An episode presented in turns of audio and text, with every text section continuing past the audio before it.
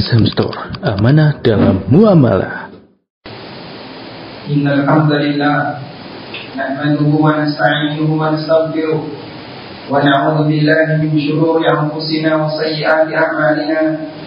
من يهده الله فلا مضل له ومن يضلل فلا هادي له واشهد ان لا اله الا الله وحده لا شريك له واشهد ان محمدا عبده ورسوله يا ايها الذين امنوا اتقوا الله حق تقاته ولا تموتن الا وانتم مسلمون يا ايها الناس اتقوا ربكم الذي خلقكم من نفس واحده وخلق منها زوجها وبث منهما رجالا كثيرا ونساء واتقوا الله الذي تساءلون به والارحام ان الله كان عليكم رقيبا يا ايها الذين امنوا اتقوا الله وقولوا قولا سديدا. يصلح لكم أعمالكم ويغفر لكم ذنوبكم. ومن يطع الله ورسوله فقد فاز فوزا عظيما. أما بعد فإن خير الحديث كتاب الله وخير الهدى هدى نبينا محمد صلى الله عليه وسلم وشر الأمور محدثاتها فإن كل محدثات في الدين بدعة. وكل بدعة ضلالة وكل ضلالة في النار وأصلي وأسلم على نبينا محمد وعلى آله وصحبه أجمعين Hadirin jamaah Jumat kepada Allah Subhanahu wa taala. Syukur alhamdulillah layak kita haturkan kehadirat Allah Azza wa Jalla. Dialah zat yang memberikan kita kemudahan untuk melaksanakan rangkaian ibadah. Salah satunya adalah melaksanakan Jumatan di kesempatan kali ini. dan kita mohon kepada Allah semoga ibadah Jumatan yang kita laksanakan diterima oleh Allah Subhanahu wa taala sebagai amal saleh. Lianna afdal salati 'ala al-itlaq. Karena salat yang paling afdal di antara semua salat adalah salat Jumat. Sehingga Allah Subhanahu wa taala jadikan salat ini dan Allah syariatkan hari yang paling mulia di hari di mana kita disyariatkan untuk berkumpul dalam rangka mendengarkan silapan rohani dengan membacakan Al-Quran dan Sunnah untuk para hadirin yang hadir ketika Jumatan. Jamaah belakang Allah Subhanahu wa taala. Ada sebagian masyarakat yang memiliki anggapan bahwa ketika terjadi perbedaan pendapat maka kita diizinkan untuk memilih pendapat mana pun selagi di sana ada ulamanya dengan anggapan bahwa pada saat kita mengambil salah satu pendapat lalu pendapat itu benar ternyata pendapat yang kita pilih adalah sesuai dengan kebenaran maka kita mendapatkan pahala dan ulama yang kita ikuti juga mendapatkan pahala sebaliknya ketika pendapat yang kita ikuti adalah pendapat yang salah, maka kita terbebas dari dosa, sementara kesalahannya ditanggung oleh ulama yang kita ikuti. Gara-gara prinsip semacam ini, sehingga sebagian orang menjadikan khilaf yang terjadi di antara para ulama sebagai bagian dari dalil. Maka mereka jadikan adanya perbedaan pendapat sebagai alasan untuk memilih apa pun yang dia sukai. Jawab belakang Allah Subhanahu wa taala. Penting untuk kita pahami bahwa khilaf itu bukan dalil. Dan tidak ada satupun ulama yang menyebutkan baik dalam kitab tinggi termasuk juga kitab yang membahas tentang masalah macam-macam dalil, yaitu kitab-kitab usul fikih. Tidak ada satu ulama yang menyebutkan bahwa perbedaan pendapat adalah dalil. Justru sebaliknya, perbedaan pendapat butuh dalil. Apa dalil bahwasanya perbedaan itu butuh dalil? Allah Subhanahu wa taala ajarkan dalam Al-Qur'an, "Ya ayyuhalladzina amanu atiiullaha wa atiiur rasul wa ulil amri minkum." Wahai orang yang beriman, taatlah kepada Allah dan taatlah kepada Rasul serta ulil amri di antara kalian. Kemudian Allah lanjutkan sebuah prinsip ketika terjadi perbedaan. Fa in tanaza'tum fi syai'in farudduhu ila Allah wa Rasul in kuntum tu'minuna billahi wal yawmil akhir. Kalau kalian mengalami perbedaan dalam masalah apa pun, perbedaan dengan siapa? Tentu saja tidak dengan Allah, tentu saja tidak dengan Rasulullah. Dan perbedaan yang terjadi mungkin dengan yang ketiga, yaitu dengan ulil amri. Yang ulil amri ini ditafsirkan oleh para ulama adalah ulil amri dalam urusan dunia, yaitu pemerintah, dan ulil amri dalam urusan agama adalah para ulama yang mereka bukan nabi, Fi. Kalau kalian berbeda pendapat dalam masalah apa pun dengan ulil amri kalian atau dengan sesama manusia, farudduhu wa Rasul, maka kembalikanlah kepada Allah dan Rasulnya. Dan Allah Subhanahu wa taala jadikan ini sebagai salah satu di antara syarat in kuntum tu'minuna billahi wal yawmil akhir. Kalau kalian beriman kepada Allah dan hari akhir. Karena ketika seorang hamba dia beriman kepada Allah, dia yakin bahwasanya dia akan ditanya oleh Allah Taala. Dan ketika dia beriman kepada hari akhir, dia yakin bahwasanya dia akan menghadap Allah saat dia dibangkitkan oleh Allah di hari akhir. Sehingga Allah jadikan ini sebagai salah satu di antara konsekuensi iman kepada Allah dan hari akhir. Berupaya untuk mengembalikan perbedaan pendapat kepada kebenaran, kepada Al-Quran dan Sunnah, bukan sebaliknya menjadikan perbedaan pendapat itu sebagai dalil.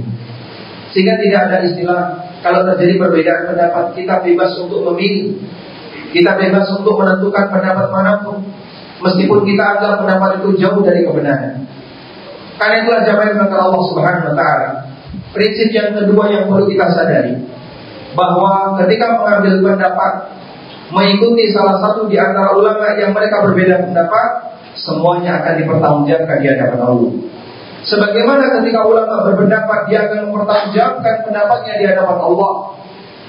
Maka masyarakat awam, para pembelajar, walibul ilm yang dia mengambil ilmu dari para ulama, pada waktu mereka mengambil pendapat, kita perlu menyadari kita juga akan mempertanggungjawabkannya di hadapan Allah Subhanahu wa taala. Dan tidak ada istilah kalau benar kita dapat pahala, kalau salah yang tanggung dosa Keenak sekali jadi orang awam sehingga dia bebas dari tanggung jawab apa pun. Kalaupun dia salah ternyata yang tanggung dosa adalah orang lain. Karena itulah Allah Subhanahu wa taala sebutkan dalam Al-Qur'an di surat Al-Qur'an. Wa yauma ya'addu dhalimu 'ala yadayhi. Pada hari di mana orang zalim itu gigi jari. Menunjukkan penyesalan dia pada saat dia menghadap Allah Subhanahu wa taala. Kenapa dia gigi jari? Yaqulu ya laitani takhattu ma'a rasul sabila. Dia mengatakan, andaikan dulu saya mengikuti jalan Rasul sallallahu alaihi wasallam. Ya wailata laitani lam attakhid fulanan khalila. Andaikan dulu saya tidak menjadikan fulan itu sebagai khalil.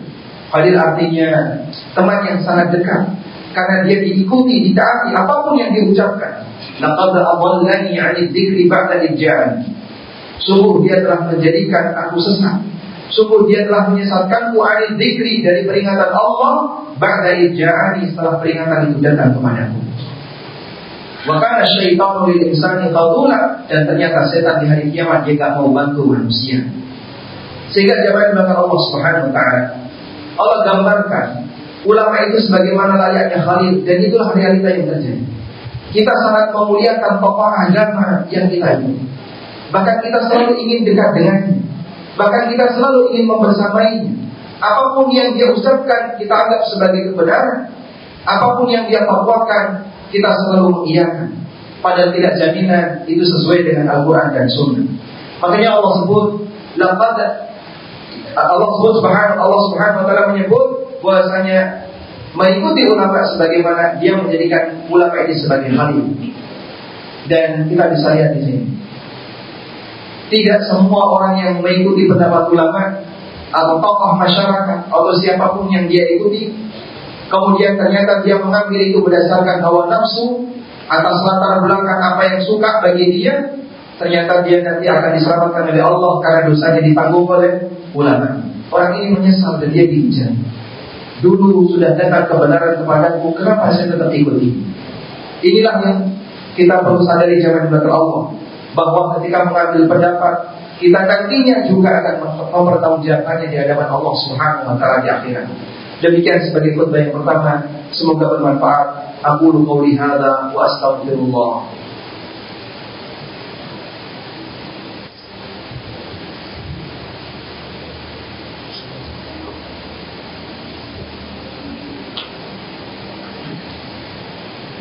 Alhamdulillah wa kafa والصلاة والسلام على رسول المصطفى وعلى آله وصحبه ومواله وأشهد أن لا إله إلا الله وحده لا شريك له وأشهد أن محمدا عبده ورسوله يا أيها الذين آمنوا اتقوا الله حق تقاته ولا تموتن إلا وأنتم مسلمون Hadirin jemaah-jemaah yang Allah Subhanahu wa taala. Sebelumnya kami ingin menyinggung sedikit tentang bagian dari adab Jumatan yang penting untuk kita perhatikan. Kita semuanya tentu menginginkan begitu selesai Jumatan kita bisa pulang membawa pahala. Namun tidak semua orang berhasil untuk bisa mendapatkan pahala. Ada sebagian orang yang dia gagal ketika Jumatan sehingga tidak dapat pahala. Dan salah satunya adalah mereka yang bicara, mainan HP, mainan kerikil di zaman Nabi SAW dilarang. Rasulullah SAW bersabda, "Wa man massal khasa faqad lagha." Barang siapa yang mainan kerikil, saya kira mainan kerikil tidak lebih butuh konsentrasi dibandingkan mainan HP. Orang kalau sudah buka HP, tentu saja dia nggak bisa konsentrasi yang lainnya. Beda dengan mainan kerikil, mungkin dia masih bisa disambi dengan yang lain.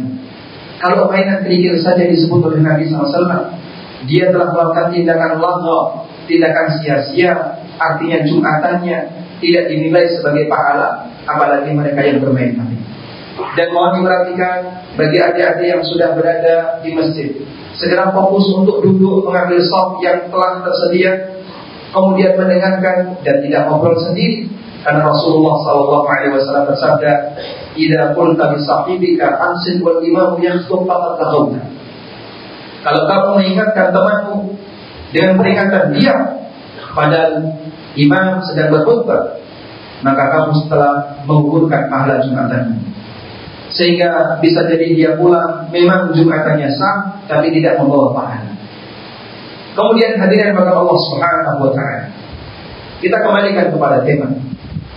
Setelah kita memahami bahwa pada saat manusia mengikuti pendapat, dia akan mempertanggungjawabkan di hadapan Allah Subhanahu wa taala. Kesadaran semacam ini telah diajarkan oleh para ulama sejak masa silam. Di mana mereka menyadari bahwa ketika kita mengambil guru, kita juga akan mempertanggungjawabkan di hadapan Allah Subhanahu wa taala. Tidak semua orang yang bicara atas nama agama layak untuk didengarkan. Tidak semua orang yang dia menyinggung dalil berarti dia benar sesuai dengan dalil. Ada banyak penyimpangan di kanan kiri kita yang itu merupakan lanjutan dari penyimpangan sejak masa silam yang sudah ada sejak zaman Nabi SAW. Kemudian ada juga di zaman para sahabat sampai zaman kita dan semakin banyak semakin banyak. Karena itulah Muhammad bin Sirin Seorang ulama tabi'in pernah mengingatkan, Al-ilmu minad din, fandur aman ta'khuduna dinakum. Ilmu ini bagian dari agama. Karena itu perhatikan dari mana kalian mengambil agama kalian. Sehingga kalau orang salah dalam mengambil guru, maka kita bisa pastikan nanti ilmu yang dia miliki bisa jadi akan berisi penyimpangan. Akidah manusia bisa berubah jadi menyimpang gara-gara guru yang mengajarkan penyimpangan. Imam Syafi'i rahimahullah taala memberikan ujian kepada gurunya Imam Malik. Yang ini salah satu di antara bukti bagaimana perhatian para ulama ketika mencari guru dan mereka menyadari bahwa dalam mencari guru nantinya juga akan dipertanggungjawabkan di hadapan Allah Subhanahu wa taala. Imam Syafi'i mengatakan, "Raditu bi Malikin ayyakuna hujjatan baini wa bain Allah taala." Aku telah ridho menjadikan Imam Malik sebagai hujah antara aku dengan Allah Ta'ala. Para ulama menjelaskan, artinya kalau dia ditanya oleh Allah, Imam Syafi'i ditanya oleh Allah, kenapa kau jadikan Imam Malik sebagai guru? Imam Syafi'i telah siap dengan jawabannya. Mengingat betapa semangat Imam Malik dalam mengikuti ajaran kebenaran, ajaran tauhid dan sunnah Nabi Sallallahu Alaihi Wasallam. Kita memohon kepada Allah Subhanahu Wa Taala Semoga Allah menganugerahkan kepada kita seorang guru yang baik, pembimbing agama yang baik, dan semangat yang ada dalam diri kita untuk selalu mengikuti kebenaran. Ketika terjadi perbedaan, kita berusaha untuk mengambil yang lebih mendekati kebenaran, bukan yang lebih mendekati hawa nafsu. Allahumma salli ala Muhammad wa ala ali Muhammad. Kama sallaita ala Ibrahim wa ala ali Ibrahim.